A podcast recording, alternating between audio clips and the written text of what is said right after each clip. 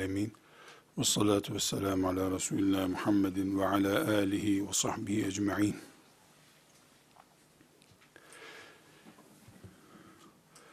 İlmin ibadet olduğunu, alimin de abid olduğunu defalarca tekit ettik.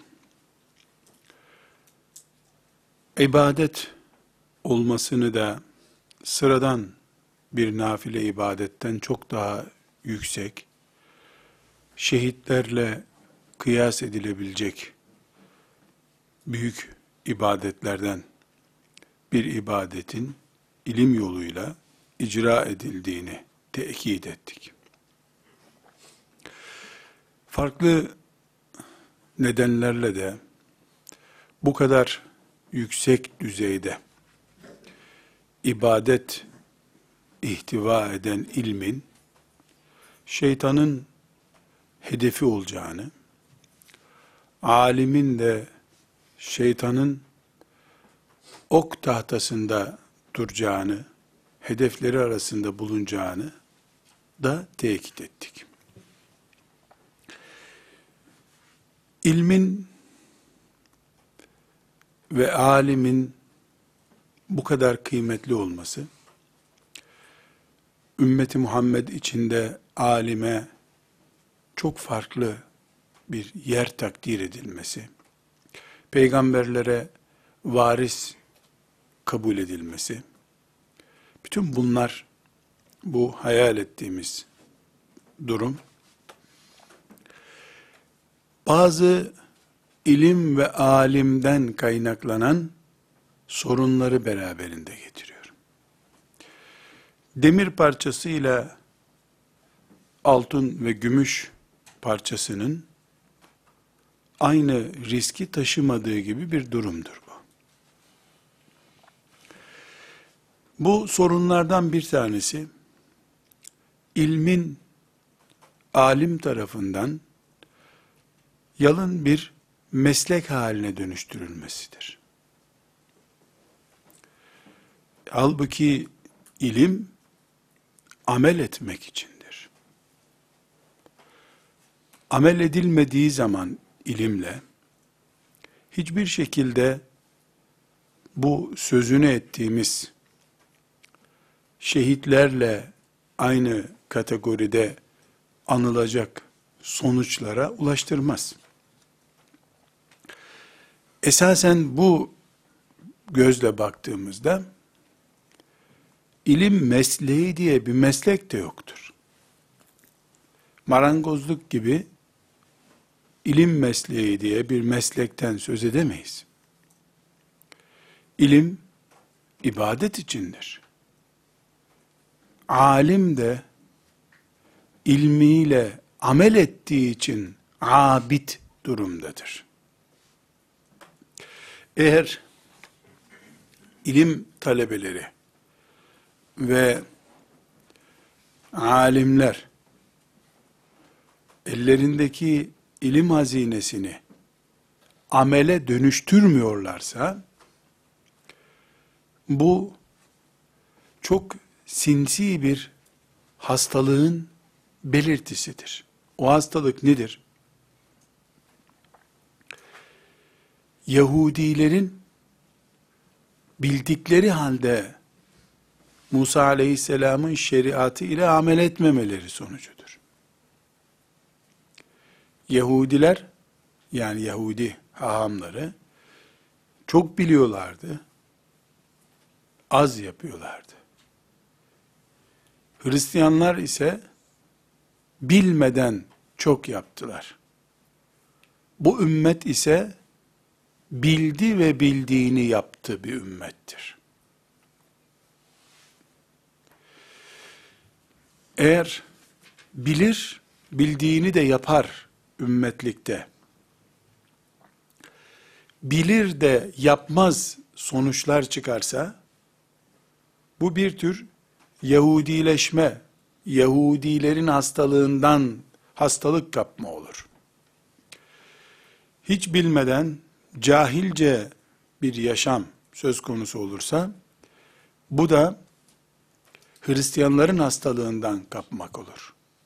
Halbuki ümmeti Muhammed dengesi bilmek, bildiğin kadar da amel etmek üzerine kuruludur.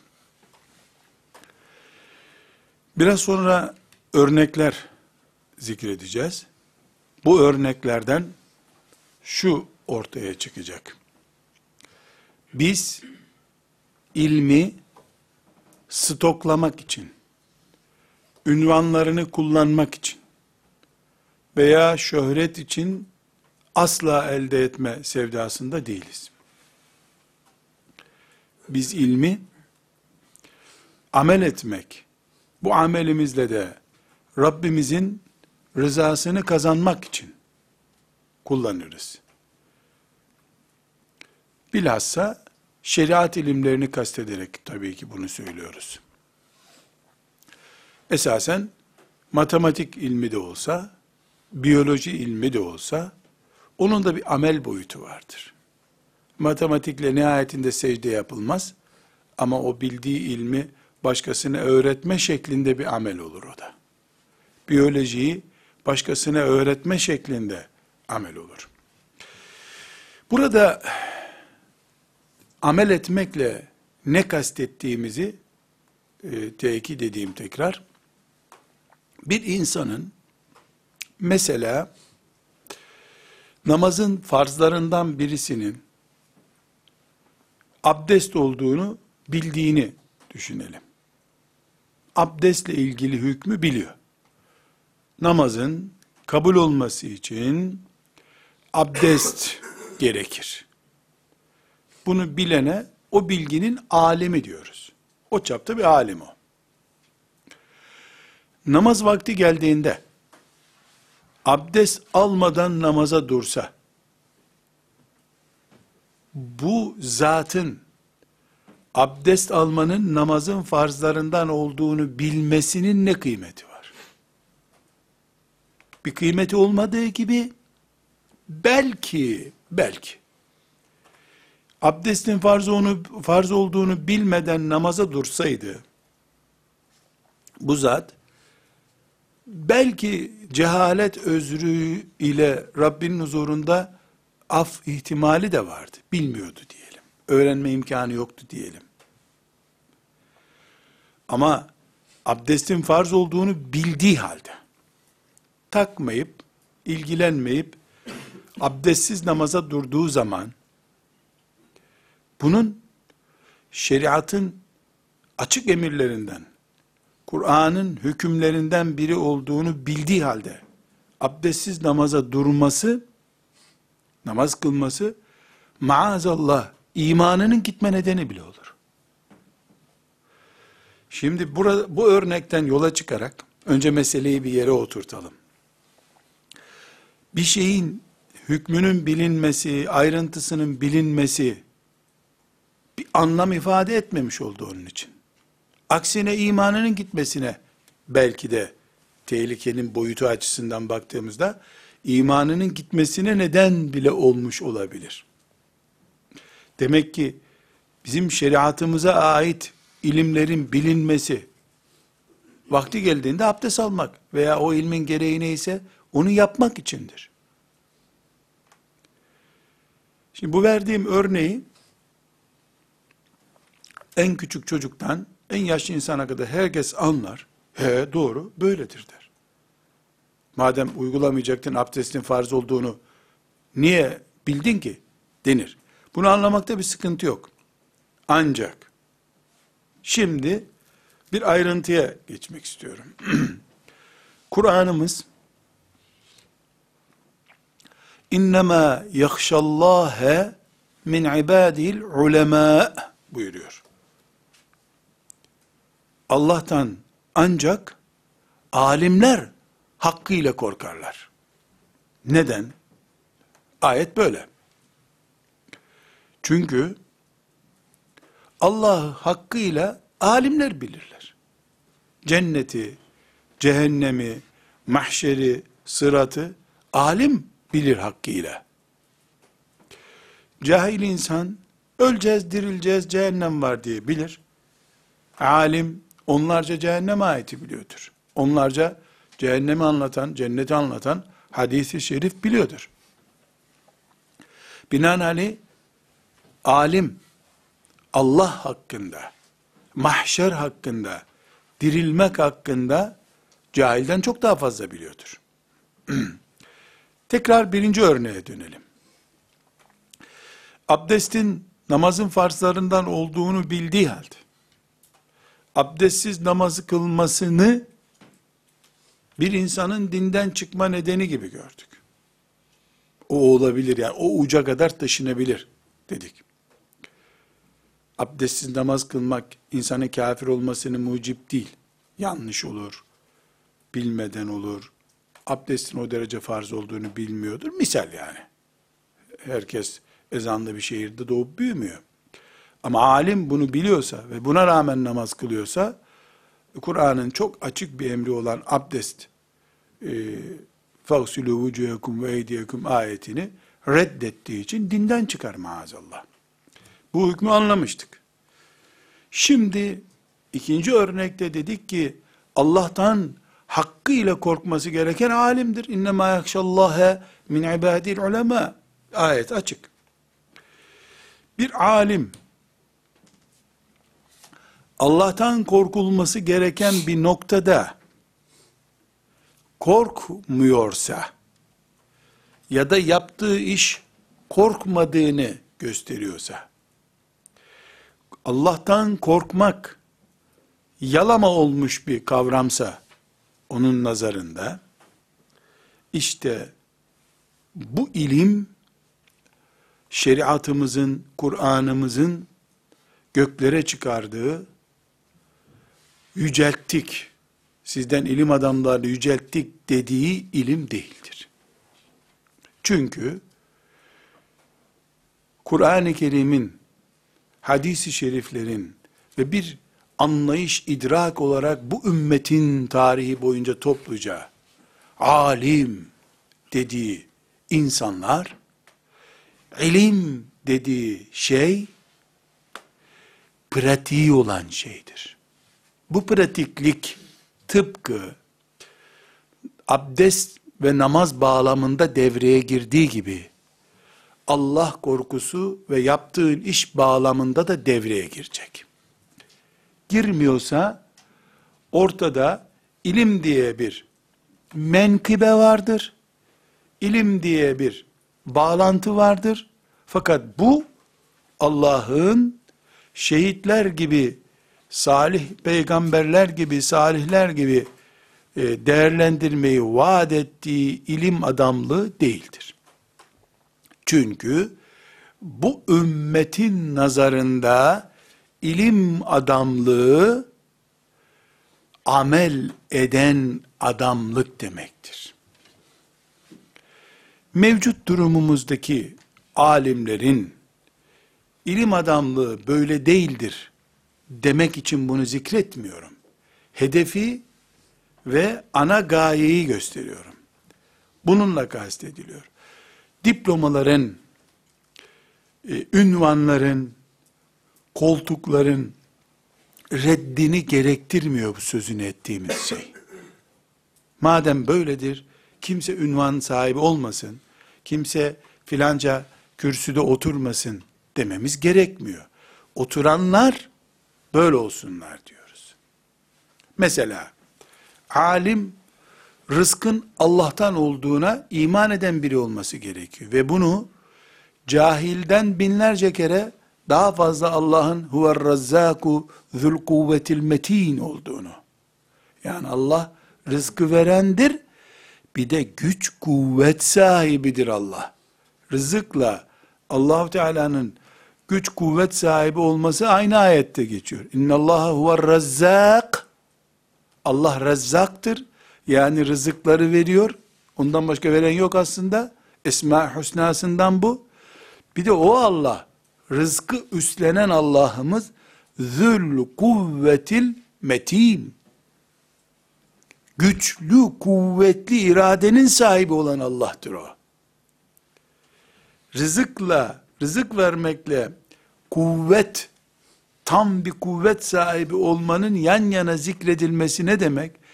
Rızkın depoları bende olduğu gibi verip vermeme kudretine de sahibim endişe etme demek. Bunu herkesten çok alimin anlaması lazım. Bir alim Allah'ın şeriatından bildiği meseleleri rızık endişesiyle gizlemeye kalktığında, rızık endişesiyle dinden taviz vermeye kalktığında, e sen o zaman inna Allahu var razzaku zul kuvvetil metini nereye oturtacaksın? Nasıl bir e, Allah'a iman ettin ki sen diye sorgulama olur. Bu sebeple alim başka şey, bu ümmetin alimi başka şeydir. Çünkü Yahudilerin de alimi var. Hristiyanların da alimi var. Filanca matematikçi alim de olabilir. Bu ümmeti Muhammed'in Kur'an'ı yüklenmiş olan alimi profilini çizdiğimiz bu kimsedir.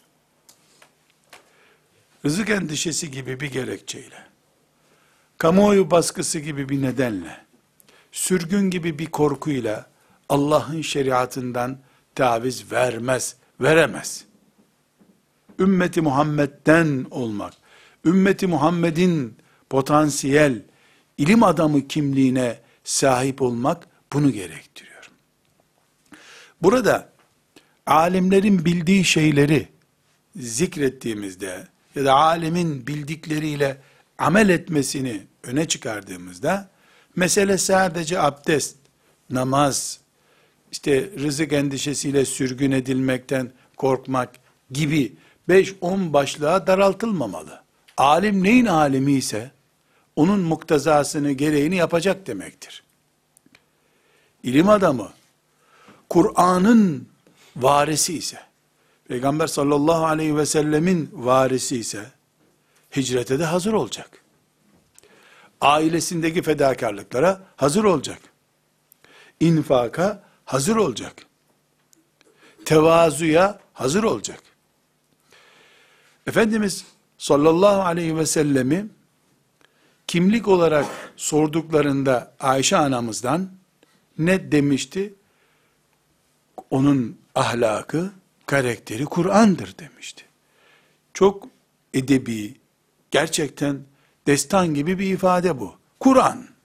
Çünkü peygamberin ahlakının, karakterinin Kur'an olması dışında bir şey olması mümkün değildi. Kur'an bir insan tipi çiziyor. Bu insan tipi peygamberin üzerine yansımalı. Yani Ayşe anamızdan Allah razı olsun bu kadar ifade edilebilir. Bu kadar belagat yapılabilirdi yani. Kâne hulukuhul Kur'an. Ahlakı Kur'an'dı. Kur'an da ahlakı. E, peygambere varis olan birisi için nasıl bir insandır filanca alim dendiğinde cömerttir, naziktir, efendidir denemez. Çok ibadet eder denemez. Onun mal sahibi diyelim ya da ona miras bırakan ve onun şahsiyetini temsil ettiğini söylediğimiz peygamberini sallallahu aleyhi ve sellem Ayşe anamız Kur'an'da ahlakı diye tarif ediyor. E onun varisinin ahlakı cömert diye bir kelimeyle anlatılamaz. Çok cömert biridir denemez. Evet, kâne hulukuhul Kur'an. Onun ahlakı Kur'an'dı. Yürüyen Kur'an'dı ifadesini Ayşe anamız Peygamber aleyhisselam için kullandı. Bunu bir alim için kullanmayı biz uygun bulmayız. Yani bu çok kötü bir benzetme olur. Ama bu olmalı esasen. Öne çıkan karakteri Kur'an kimliği olarak bilinebilmeli ki bu şahsiyet Peygamber aleyhissalatü vesselam Efendimizin varisi olmuş olsun. Şüphesiz Peygamber aleyhisselamın Kur'an tatbiki yüz üzerinden yüzdü, yüzdü. Ee, bir alim kim olursa olsun, Ebu Hanife olsun, ne olursa olsun, yüz olmaz hiçbir zaman. Masum değil çünkü. Cebrail yanında değil. Ama eksi 25'te olmamalı herhalde. E, 100 olmasın, 45 olsun. 55 olsun. Yani kemal noktasında masum bir peygamberden beklendiği gibi bekleyemeyiz. Kötü bir bekle, haksız bir beklenti olur bu. Ama ilmiyle amel etmesini istemiz istememiz kadar da büyük bir hakkımız yoktur bizim. Evet yüzde yüz peygamber gibi değil ama yüzde yüz peygamber özentili olması lazım bir alim. Beceremediği noktalar olabilir. Mesela gece teheccüdünü peygamber aleyhisselam gibi yüzde yüz tatbik edemeyebilir. Ama yüzde yetmiş tatbik etsin. Cömertliği, sabrı peygambere yüzde yüz benzemeyebilir. Ama yüzde kırk olsun bari. Allah korkusu e, yüzde yüz olmayabilir, yüzde seksen beş olsun. Yani her konuda eksilere düşmüş birisi, sadece kütüphanesinde kitap bulunduğu için, dosyalarında diplomalar, sertifikalar bulunduğu için alim olamaz. Çünkü bu ümmetin alemi, ümmeti Muhammed'in alemi, bilen, bildiğiyle amel eden insandır. Ameli bilgi üzerine dayalıdır, bilgisi amel içindir. Yahudilerdeki mantık ise, çok bilmek, istersen yapmaktır.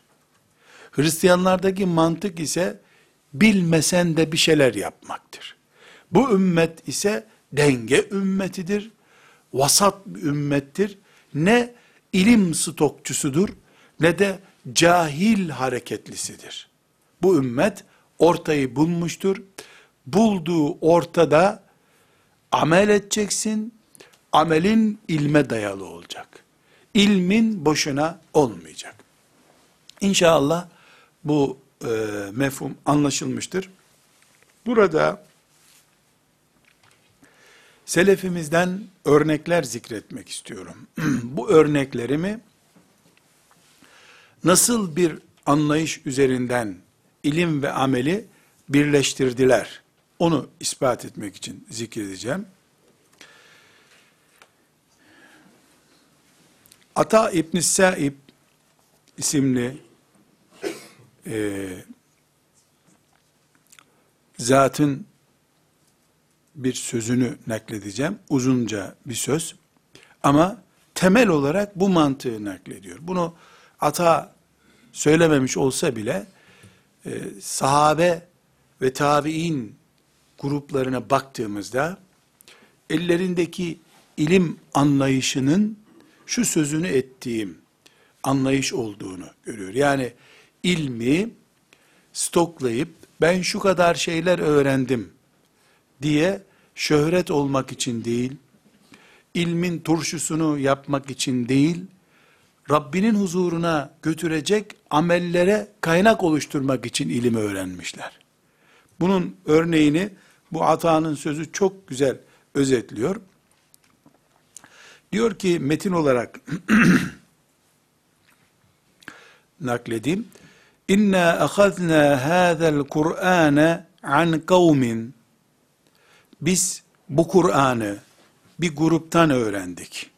Yani hocalarını tarif ediyor. Hocalarımız bizim. Akhbaruna ennehum kanu. Onlar bize anlatırlardı. İza teallemu aşra ayatin lem yucavizuhunne ilel aşril uhra hatta ya'lemu ma fihinne. Onlar bize derlerdi ki biz 10 ayet 10 ayet Fatiha'dan biraz daha uzun 10 ayet öğrendiğimiz zaman onu sindirmeden öbür gruba geçmezdik. Test ediyorlarmış kendilerini. 10 ayet öğrendik. Bu ayet ne kadar hayatımızda var? Şu kadar. Heh, bunu özümsemişiz. Başka bir ayet grubuna geçiyorlar. Burada biz çocuklarımızı henüz abdestin farzlarını bilmeden bile hafız yapıyoruz. Elhamdülillah ashab-ı kiramı geçtik, tabi'in neslini zirveye taşıdık demektir. Sevinelim mi, sevinmeyelim mi? Ben kardeşiniz 5 e, yaşına geldiğimde 3 sayfeden gidiyordum. 8 yaşına geldiğimde de Kur'an'ı baştan sona okuyacak durumdaydım. Ama abdestin farzları diye bir kavram bilmiyordum. Namazın farz olduğunu da bilmiyordum. Babam camide kıldığı için gidip mecbur günlük egzersizimiz gibiydi namaz. Allah'ın emri ne bilmiyordum. Ama bu ümmetin selefi, selefi salihin 10 ayet biliyormuş 80 yaşında olduğu halde. Ben şimdi onlardan değerli hale mi geldim? Ya da benim bildiğim ne işe yaradı? Onların 10 ayet bilip o ayetle amel ettik, hazmettik. Şimdi bir 10 ayet daha öğrenelim demesi onların ne işine yaradı? Ben böyle süründüm, sürünüyorum. Onlar ise arş-ı alaya doğru yükselip duruyorlar. O gün bugün hala ileyhi yas'ad yükselip duruyorlar Allah'a doğru. Elhamdülillah. Ümmetin onları bir defa rahmetle yad etmesi onların fazileti için yeterli bir şey. Demek ki mesele çok öğrenme meselesi değil. Mesele çok hazmetme meselesidir. Hazmediyorsun, kan oluyor, kemik oluyor, ilik oluyor sende öğrendiklerin. Öbürüne çok veriyorsun, bağırsaklarında kalıyor verdiğin. Çok yedi, ishal oldu gitti gibi, az yedi, ilik oldu, kan oldu, hücre oldu, kemik oldu vücudunda. Anne sütüyle saman yemek gibi bir şey bu. Çocuk bir bardak anne sütü içiyor, onun yanaklarında kan oluyor o süt. Öbür taraftan koca bir kazan yemek yiyorsun, bağırsaklarından çıkıp gidiyor. Selefimiz demek ki ata rahmetullahi aleyhin anlattığı hocaları, sahabe, tabi'in hocaları böyle bir eğitim yapmışlar demek. Ona ayet. Hazmet gel. Ona ayet. Hazmet gel. Böylece Resulullah sallallahu aleyhi ve sellemin hayrul kurun bütün zamanların en iyisi dediği nesil böyle yetişmiş demek. Anneden süt emer gibi Resulullah'tan sallallahu aleyhi ve sellem Kur'an emmişler. Ebu Hureyre'den hadis emmişler. Ana sütü olduğu için ölünceye kadar ilik olarak, hücre olarak bünyelerinde kalmış o. Bizimki düğün çorbası olduğu için ya da başka nesillerinki düğün çorbasını kepçe kepçe aldıkları için anne sütü gibi kalmamış bu sefer midelerinde. İşte Ata'nın anlattığı biz böyle hocalardan öğrendik bu Kur'an'ı diyor. Ona ayet hazmet gel bunu. E ben bu sene kurstan 10 tane hafız çıkaramasam bu ne biçim kurs derler diye derdi yokmuş demek ki o hocaların. İnsan yetiştirmeye çalıştırmışlar, hafız yetiştirmeye değil. Nauzu billah, hafızlığı tahkir etmek için söylemiyorum. Ama yetiştirdiğimiz hafızlarla yetiştirdikleri hafızlar arasındaki farkı kıyas ediyorum. Sonra asıl dersimizle ilgili e, Ata'nın e, sözü fekunna neteallemul Kur'ane vel amele bihi. Bu cümleyi ezberlememiz lazım. Fekunna neteallemul Kur'ane vel amele bihi. Fekunna biz neteallemu öğrenirdik. Tealleme, yeteallemu, neteallemu. Biz öğrenirdik. Talebe mantığını anlatıyor. Yani bir talebe olarak ne öğretirlermiş onlara ata. Ya künna neteallemu öğrenirdik.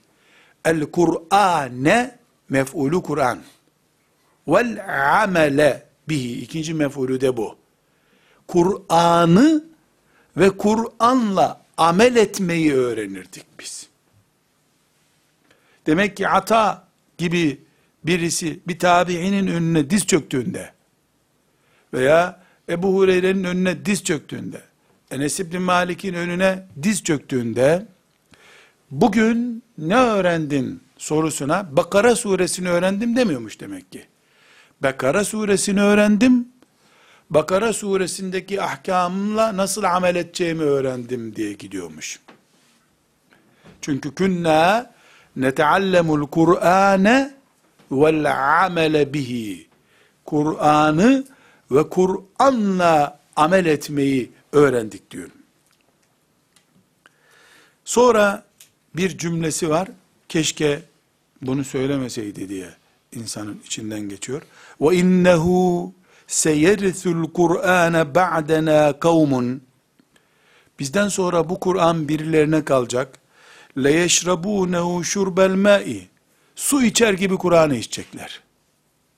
Su gibi hafız deyimi inşallah buradan gelmemiştir. İnşallah. Su gibi hafızdım ben çünkü. Yeşrabunehu şurbel ma. Su içer gibi yeşrabunehu hu zamiri Kur'an'a gidiyor. Yeşrabunel Kur'ane şurbel ma. Bir bardak su içer gibi Kur'an'ı içecekler. La yucavizu terakiyehum. Boğazlarına kadar gelmeyecek Kur'an ama. Kalpten yukarı çıkmıyor. Nabız yok. Hop su gibi içiyor, gidiyor. Su gibi içiyor, gidiyor. İçiyor, gidiyor, içiyor, gidiyor olacak. Burasını tutmuş, buraya kadar bile gelmeyecek. Ağızlarında Kur'an sadece. Çünkü buradan aşağı indi mi kalbe değecek. Mecazi bir ifade bu tabi. Yani boğazdan aşağı inmiyor. Bülbül gibi Kur'an okuyor. Ama karga gibi de yontuyor Kur'an'ı. Bu ümmet Kur'an ümmetidir. İlim ümmetidir. Yahudiler gibi stok yapmak için değil, Hristiyanlar gibi cahilce yaşamak için değil, bilip bildiğinle amel etmek için. Bunun için hata ne diyor? Künne neteallemu el Kur'ane vel amele bihi. Biz Kur'an'ı ve Kur'an'la amel etmeyi öğrenirdik hocalarımızdan. Burada kardeşlerim, hedef koymuş olduk. Talebe olarak, elhamdülillah hepimiz talebeyiz. İnşallah amel edeceğimiz şeyleri öğrenmek diye bir hedefimiz olacak. Ama hoca efendilerimiz, Kur'an muallimleri, Kur'an muallimleri, su gibi hafız yetiştirdikleriyle övünüp övünemeyeceklerini de bununla. Atanın bu sözünü silip atamayız. Onlarca örneği var tabi. Ben Ata'nın bu sözü çok değerli toplu diye bunu özellikle zikrettim. Biz talebeler olarak, hocalarımızda, hocalar olarak, hoca hanımlar, hoca efendiler olarak Kur'an öğretirken Kur'an'ın okunmasını, Kur'an'ın Arapçasını bir kefeye koyacaklar. Kur'an'la amel etme anlayış ve şuurunu da öbür kefeye koyacaklar. Kur'an'la amel etme şuuru denen şey, Hoca Efendi'nin tarikatına intisap değildir.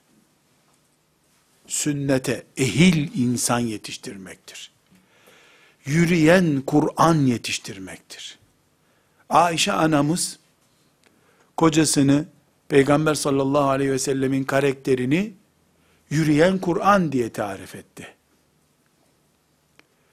Medreselerimizde beş sene kalan, üç sene kalanlar da Kur'an yürüyüşlü insan diye tarif edilmelidirler.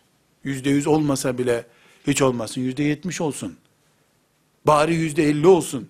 Kur'an karakterli olmak. Cündüp isimli sahabinin bir hadisi var. Ee, en yakın ravisi Tabarani'nin El Mu'cemül Kebiri'dir. 1681. hadisi şerif. Bir alim profili çiziyor burada. Resulullah sallallahu aleyhi ve sellem Efendimiz buyuruyor ki meselul alemillezî yuallimun nâsel hayra ve yensâ nefsehu kemetheli sirâci yudî'u linnâsi ve yehriku nefsehu İnsanlara güzel şeyler öğretip kendisini unutan alim, alim ifadesi var hadis-i şerifte. Yanıp yanıp eriyen kandile benzer. Yandıkça fitili eriyor ama insanlar aydınlanıyorlar. Yani mum diyeyim ben. Hadis mum demiyor ama mum daha iyi. Siz mum biliyorsunuz çünkü kandil böyle kandil bilmiyoruz bizim kültürümüzde. Bir mum düşünün. Yanınca insanlar aydınlık görüyorlar onu. İstifade ediyorlar ama mum eriyor. Alim hadis okuyor, fıkıh okuyor. İnsanlar ondan şeriat öğreniyorlar, din öğreniyorlar. Ama alim kendi ondan istifade edemiyor. Allah'tan korkun, rızkı Allah verir diyor alim. İnsanlar ondan korkup arabasını bile sigorta yaptırmıyorlar. Hoca efendi haram dedi diye. Ama hoca efendi o ilimden istifade etmiyor. Efendimiz sallallahu aleyhi ve sellem Cündüb e, radıyallahu anh'ın rivayet ettiği bu hadiste bu zata acıyor demek ki. Müslim'in e, rivayet ettiği hadisi şerifte 2722. hadisi şerif e, Müslim'de bu hadisi şerifte Efendimiz sallallahu aleyhi ve sellemin meşhur e, duasını zikredeceğiz. İnşallah e, bu duayı e, ezberlememizde de fayda var. E, ezberleyelim, kaydedelim. Yani Efendimiz sallallahu aleyhi ve sellemin kendi yaptığı dualardan biri. Ama duanın muhtevası konumuzla ilgili. Ne buyuruyor? Allahümme inni e'udu bike min ilmin la yenfa' ve min kalbin la yakhşa' ve min nefsin la teşba' ve min da'vetin la yustecabu leha. Allah'ım burada dört şeyden Allah'a sığınıyor. Felaket gibi. Hani dua ederken hoca efendiler camilerde yangından, afetten, zelzeleden, hırsızdan, kötülükten, kötülerden diye sayıyorlar ya. Efendimiz sallallahu aleyhi ve sellem de yangın, afet, sel, deprem ne ediyormuş bir bakalım. Min ilmin la yenfa' faydası olmayan ilimden. Deprem gibi bir şey demek ki bu. O min kalbin la yakşa ürpermeyen kalpten. Duygusu ölmüş, taşlaşmış kalp. Ve min nefsin la teşba doymayan gözden. Ve min da'vetin la yüstecabu leha kabul olunmayan duadan. Bu dört şey sallallahu aleyhi ve sellem Efendimizin Allah'a sığındığı afetlermiş demek ki. Bunlardan biri de sahibine faydası olmayan ilim. Sahibini hizaya getirmeyen ilim. Sahibine cehennemi hatırlatmayan ilim. Başkalarını aydınlatan kendi eriyen mum. Allahümme inni e'udhu bike min ilmin la yenfa. Faydasız ilim. Çünkü tortusu olan, özü olmayan portakal bu. Tortu hep. Sık, sıkıyorsun, kabuğu var, kendisi yok. İlmin la yenfa bu. Faydası olmayan ilim. İlaç diye alıyorsun, özü yok ilacın. Min kalbin la yakşa bir kalp ki ürpermiyor. Duygusallığı gitmiş. Haşyetullah yok. E nefis doymuyor. İştahı kesilmiyor. Min nefsin la teşba. Ve bir insan ellerini kaldırıp ya Rabbi diyor. Buyur diyen yok. Ne diyorsun diyen yok. Duasına cevap verilmiyor. Demek ki sallallahu aleyhi ve sellem Efendimiz bunu ciddi bir şekilde işte bizim alimlerimizin, hoca efendilerimizin dualarda afetten, depremden, yangından, iç dış düşmanlardan sana sığınıyoruz ya Rabbi diyor. Efendimiz de faydası olmayan ilimden Allah'a sığınıyor. Evet onlar da bir felaket, onlar da Allah'a sığınılması gereken şeyler ama zirve noktalarda dikkatten kaçan şey deprem gibi, yangın gibi, iç dış düşman gibi, deprem korkusuyla içimizde korku olarak kalması gereken bu dört şeye de aleyhissalatü vesselam Efendimiz dikkat çekiyor demek ki. Biz bu tespitlerden sonra o zaman bir kural koymamız gerekiyor. Nedir bu kural? Dedik ki ilim, yani şu konuştuklarımızı özetleyeyim. İlim Yahudilerdeki gibi stok için değildir. Hristiyanlardaki gibi lüzumsuz da değildir. Tam aksine ilim amel içindir. Alim amel edeceği şeyleri öğrenmelidir. Dolayısıyla felsefe gereksizdir. İlgi alanında olmayan şey gereksizdir. Bir alim kitapları için zekat vermez. Ama okumayacağı branşı dışındaki kitapların zekatını vermelidir. İlgi alanında mı senin bu? Değil. Müracaat edebileceğin bunu hayır. Niye saklıyorsun? Bu bir mal. Bunu zekat olarak hesapla o zaman. Denmelidir. O zaman şöyle bir e, kural zikredebiliriz. İlimde alimin bulunduğu seviye onun değerini gösterdiği kadar Allah huzurundaki hesabını da göstermektedir. Misal olsun diye 500 puan kabul edelim ilmi. Yani Allahu Teala'nın kullarının elindeki ilim nimetini 500 puan sayıyor kabul edelim. Bizim gibiler ilk birlerde, ikilerde işte namazın farzlarını biliyoruz. Ama ya İmam Gazali 250'lerde diyelim. Allahu Teala'nın 250 puanlık bir alime, bunlar sanal şeyler yani ben böyle bir ilim puanlaması yok. Allah'ın neyi nasıl hesaplattığını bilmiyoruz ama bir anlayalım diye hep böyle şu puanlama, bu imtihan diye liseye girerken, üniversiteye girerken işte hep puan üzerindeyiz ya bari biraz modern anlayalım bunu diyorum. Şimdi 250 puanlık bir ilmi olan bir insanın normal Müslümanlara göre değeri 250 kat demektir. Allah'a yakınlığı 250 derecelerde demektir. E, Ebu Hanife 400'lerde diyelim. E, Enes İbni Malik 499'larda diyelim.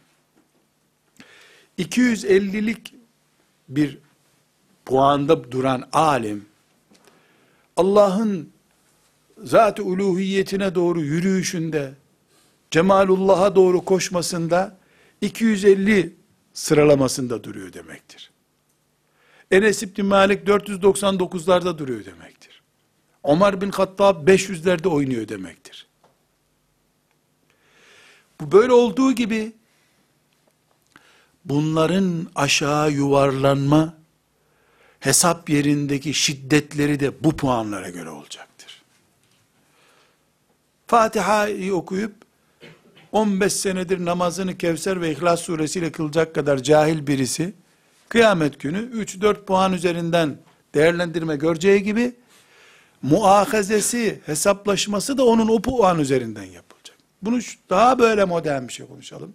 Bir bakkala vergi memuru geldiğinde günlük cirosu üzerinden hesap yapacaktır. Girdisi 500 lira olan bir bakkalın 500 liralık vergi kaçakçılığı söz konusu olabilir. Vergi de yüzde 20 ise 500'ün yüzde 20'si nedir? İşte 80 lira. 80 lira niye kaçırdın derler ona. Ama günlük cirosu 5 trilyon olan bir iş adamının e, ofisine girdiğinde vergi memuru 80 lira diye bir rakam yoktur devrede. Orada da şu kadar milyarın hesabını getir bakalım diyecektir. Alimin de durumu budur. Alim ilmi yükseldikçe işi kolaylaşan adam değildir. İlmi yükseldikçe hesabı zorlaşan adamdır. Şüphesiz hesabı zorlaştığı kadar daha rahmete yakınlığı artıyor. Rahmete yakınlığın arttıkça ayak kayma payı artıyor. Şeytanın ilgisinde de böyle bu. Şeytanın ilgisinde böyle olduğu gibi meleklerin duasında da böyle. Evet alime, okyanusların dibindeki yunus balıkları da dua ediyorlar. Hadis-i şerif okumuştuk. Balıklar bile dua ediyor alim için. İlim talebesi için hatta. Ama şeytan da ona göre yatırım yapıyor. Kahvede oturup ezanı bekleyen hacı amcaya eski asistanlarından birini gönderiyordur. Ama bir ilim talebesi medreseye girdiğinde en aktif görevlileri gönderiyordur şeytan. ilmi ilerledikçe ilave kadro ekliyordur şeytan. Alim olunca bizzat kendi ilgileniyordur. Yani hiçbir şey değer kazandıkça sorunsuzlaşmaz. Sorunu da artar. Bir karpuz bir haftalıkken tarlada bir parmakla kaldırılır. Ama bir Diyarbakır karpuzu tam koparılacağı zaman 15-20 kilo geliyor. Parmağınla bir daha kaldıramazsın onu. Alim de böyle. Olgunlaşıyor. Buradan bu kuralı koyuyoruz. Alimler açısından. Hem bu ümmetin alimlerini tanımamız için bir kural bu. Hem de inşallah bakarsın Rabbimizin rahmetini lütfeder. Bize de ilim kapısı açılır. Biz de bir gün alimler diye bir grubun içinde zikredilirsek buyuz inşallah o zaman. Bunu nereden çıkarıyoruz arkadaşlar? Ahzab suresinin 30. ayetinden çıkarıyoruz. 30. ayeti Ahzab suresinin Efendimiz sallallahu aleyhi ve sellemin hanımları ile ilgili. Hanımları analarımız. Resulullah sallallahu aleyhi ve sellemle bir odayı paylaşmış mübarek insanlar. Ama ayet ne buyuruyor? Ya nisa en nebiyyi. Ey peygamberin kadınları. Men ye'ti minkunne bi fahişetin mübeyyinetin. Sizden kim yanlış bir iş yaparsa, açıkça bir yanlış işe düşerse, yudâaf lehel azâbu zı'feyn. Size azap iki kat olur. Siz iki kat azap çekersiniz. Neden? Ayet ne diyor? Lestunne lestunne siz değilsiniz ke ehadim minen nisa siz herhangi bir kadın gibi değilsiniz. Peygamber karısısınız. Bunca nimetten sonra. Sizin evinize Allah'ın ayetleri okunuyor be. Cebrail'in geldiği evde de mi siz böyle sıradan kadınlar gibi olacaksınız? Olmaz. Siz sıradan bir kadın değilsiniz. Evinizde peygamber var. Siz bir hata yaparsanız başkalarının iki katı azap çekersiniz. Bundaki formül ne gösteriyor? Demek ki sıradan bir Müslümana genel kuralları uyguluyor Allah. Nimetini artırdığı zaman muahazesini de artırıyor. Hem sana normal maaşın üç katını verecek, hem de vergiyi normal alacak senden. E, adalet olmaz gibi o zaman. Nimeti artırdıkça hesapta ağırlaşacak.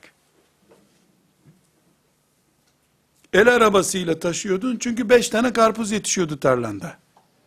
Şimdi beş bin karpuz var ben bunları gene bir el arabasıyla taşıyayım diyemezsin. Kamyon tutacaksın bu sefer. Kamyonun da yakıtı değişti. Vergisi değişti. Ehliyet stili değişti bu sefer. Ayet bunu çok açık bir şekilde Peygamber aleyhisselamın hanımları üzerinden ortaya koydu. Biz bundan istimbat ederek yani bir kaynaklandırma yaparak dedik ki peygamberin hanımlarının üzerindeki kural bu ise peygamberin manevi çocukları olan varisleri, alimlerin kuralı da budur demek ki. Bu kadar basit. Çünkü Peygamber aleyhisselam efendimiz alimleri varislerim olarak diyor. Bir tür çocukları gibi görüyor demek ki. İnşallah. Ee, yani muhteşem bir şeref onlar için ama muhteşem de bir dert. Muhteşem de bir dert. Acından ölse Peygamber aleyhisselamın ehli beytinin zekat alması haram.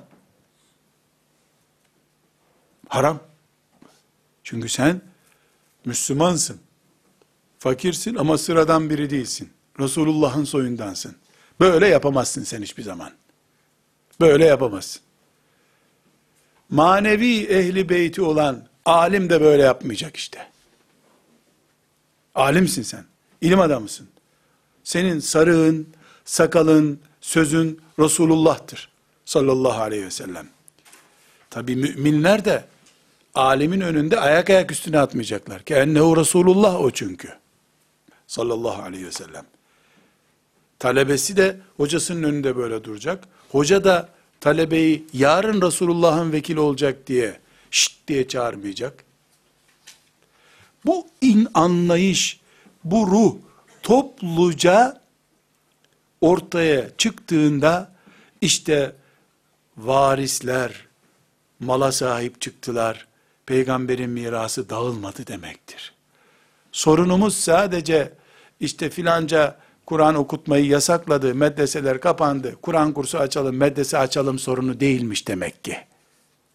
Bu haleti ruhiyeye sahip olsaydık da medreseler 50 sene kapalı olsaydı keşke. Senin maaşını bizim köyde topladığımız bulgurdan veriyoruz be diye hocaya yukarıdan bakan adam olacak yerde keşke hocalarımız aç kalsaydılar. Ve ondan bundan camiye gelmeyenlerden bile bulgur buğday alıp yaşayan bir adam olarak bilinmeselerdi keşke. Mesele medrese açmak, hafız yetiştirmek meselesi değil. Bu ruhu bu ümmette canlandırmak meselesidir. Evet. İkinci kaidemiz, buradan bir kaideye daha e, çıkmamız gerekiyor. Alim, Resulullah sallallahu aleyhi ve sellem Efendimizin varisidir. İlmiyle amel etmek zorundadır. Yüzde yüz Resulullah gibi olmak için uğraşmak zorundadır. Sallallahu aleyhi ve sellem. Ama olamaz. Çünkü masum değil, zavallı çünkü. Bizim gibi fani, cahil gibi onun da dünyevi insan, insani ihtiyaçları var.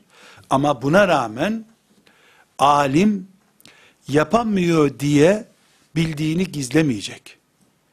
Ne yapabiliyorsan onu konuş diye bir kural yok. Çünkü alimin iki görevi var. Öğrenmek ve yapmak.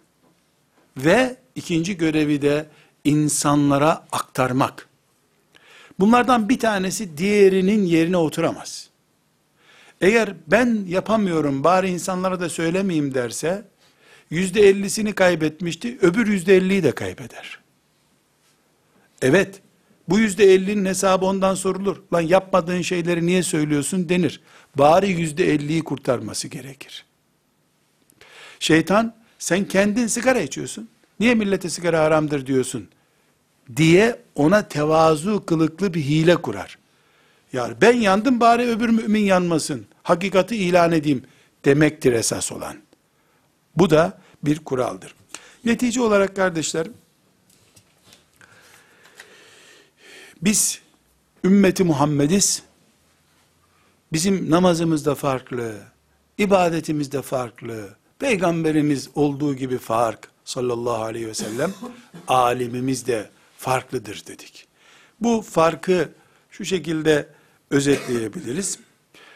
Biz Peygamberimiz sallallahu aleyhi ve sellem nasıl diğer peygamberlerden farklı ise aynı şekilde alimlerimiz de diğer ümmetlerin alimlerinden farklıdır. Nasıl Kur'an'ımız Tevrat'ı kuşatmış, İncil'i, Zebur'u kuşatmış bir kitapsa, Kur'an'ımız üzerinden yetişmiş alimlerimiz de, Yahudilerin de, Hristiyanların da, herkesin aliminin üstünde onları kuşatmış bir alimdir, olmalıdır. Onlarla bir masaya ebediyen oturamaz. Herhangi bir haham, herhangi bir papaz, bu tarafında ümmeti Muhammed'den bir alimin oturduğu bir masaya, yan tarafına onunla konuşmak için oturamaz. Yok böyle bir adalet. Yok böyle bir adalet. Önünde diz çökebilirsin. Seviye budur. İnsan hakları, Avrupa mahkemeleri bunlara inanmayan birisiyim elhamdülillah. İman etmiyorum böyle şeylere. Reddediyorum. Nefret de ediyorum. Ya benim alimim o sarığın içini dolduracak kapasitede değildir. Papaz düzeyindedir, onunla oturuyordur. Ya da biz ümmet olarak alimlerimizi pazarladık demektir. İkisi içinde maazallah demekten başka çarem yoktur. Nauzu billah. Bu bir afettir. Benim peygamberim sallallahu aleyhi ve sellem Musa ile bir masaya oturmuyor ki. Ne buyuruyor? Bugün Musa dirilse bana ümmet olmaktan başka yapacağı bir şey yoktur. İsa dirilse Resulullah'ın ümmeti olmaktan başka sallallahu aleyhi ve sellem yapacağı bir şey yoktur aleyhimusselam cemiyen. Peygamberimin varisi de o adamdır. Kaldı ki, kaldı ki Musa aleyhisselamın varisi olan bir haham mı varmış dünyada? İsa aleyhisselamın varisi olan papaz mı var dünyada? Konjektürel bir tiyatro oynanıyor. Bu tiyatroyu elinde silah ve para bulunduranlar, Müslümanlara siz de oynayın, bu tiyatroda rol alın diyorlar diye, biz ümmeti Muhammed olarak kendimizi bu kadar ucuz pazarlayabilir miyiz? Bu büyük bir hatadır. Bu hatayı kesinlikle kabullenemeyiz. En azından kabul edemeyiz. Evet bir grup Müslüman bu hususta zafiyet gösterebilirler. Diyeyim de zafiyet kelimesini onlar böyle iştihat ettiler diye de yorumlayan yorumlasın ama ben bunu zafiyet görüyorum. Benim ümmetimin aleminin oturttukları bir masaya ümmeti Muhammed'in dışındakilerin kim olursa adları soyadları misafir yemek yemek için bile oturtmamaları gereken bir durumdur. Aynı masada tatlı bile yiyemeyiz biz onlarla. Nerede kaldı ki ilim adamı, din adamı temsilciliğimizle oturacağız. Maazallah. Maazallah. Bu dinimizi, şeriatımızı, sevgili Peygamber aleyhisselam Efendimiz'i hak etmediği bir seviyeye düşürmek olur. Zillettir bu. Biz alimleri böyle görüyoruz. Elbette şu anda bu konuştuğumuz şey ne yazık ki realitede uygulayabileceğimiz, örneğini gösterebileceğimiz, bak filan yerdeki tablo böyledir diyebileceğimiz bir durum değil maalesef. Bunu kahır olarak esef ederek e, zikrediyorum. Ama biraz önce dedim ki, çocuklarımızın hafız olarak yetiştirilmeleri gibi bir hedef de bu olmalıdır. Künna neteallemul Kur'ane vel amele bihi. Talebe yetiştirenler, medrese açanlar, yurt açanlar veya filan vakfı kuranlar, filan dernek üzerinden Kur'an'a hizmet edenler, Kur'an öğretmek kadar Kur'an'la amel eden adam, Kur'an pratiğini oluşturan adam yetiştirmek gibi bir ideal peşinde olmalıdırlar. Aksi takdirde zaten var olan sahabe ve tabi'in yani hayrul kurun olan ilk selef nesliyle aramızdaki mesafe hep büyüyerek gidiyor. Makas sürekli açılıyor. Sürekli açılıyor. Zaman ilerledikçe bu mesafenin büyümesi gerekmiyor. Çünkü Kur'an aynı Kur'an. Resulullah aynı Resulullah sallallahu aleyhi ve sellem. Sünnet aynı sünnet olduğu sürece onlarla aramızda bir kaynak farkı olmadığına göre mesafe farkı da olmaması gerekiyor. Ama bakış farkımız Kur'an'ı sadece öğrenmek, okumak cenazelerde, Ramazanlarda mukabele olarak okumak ama bayramda da hürriyetine kavuşmuş gibi piyasaya açılmak olunca aramızdaki makas gitgide büyüyerek açılıyor. Bu açıldıkça da esasen Allah'ın rızasından da o oranda kopuyoruz demektir. وصلى الله وسلم على سيدنا محمد وعلى آله وصحبه أجمعين والحمد لله رب العالمين. قل إن كنتم تحبون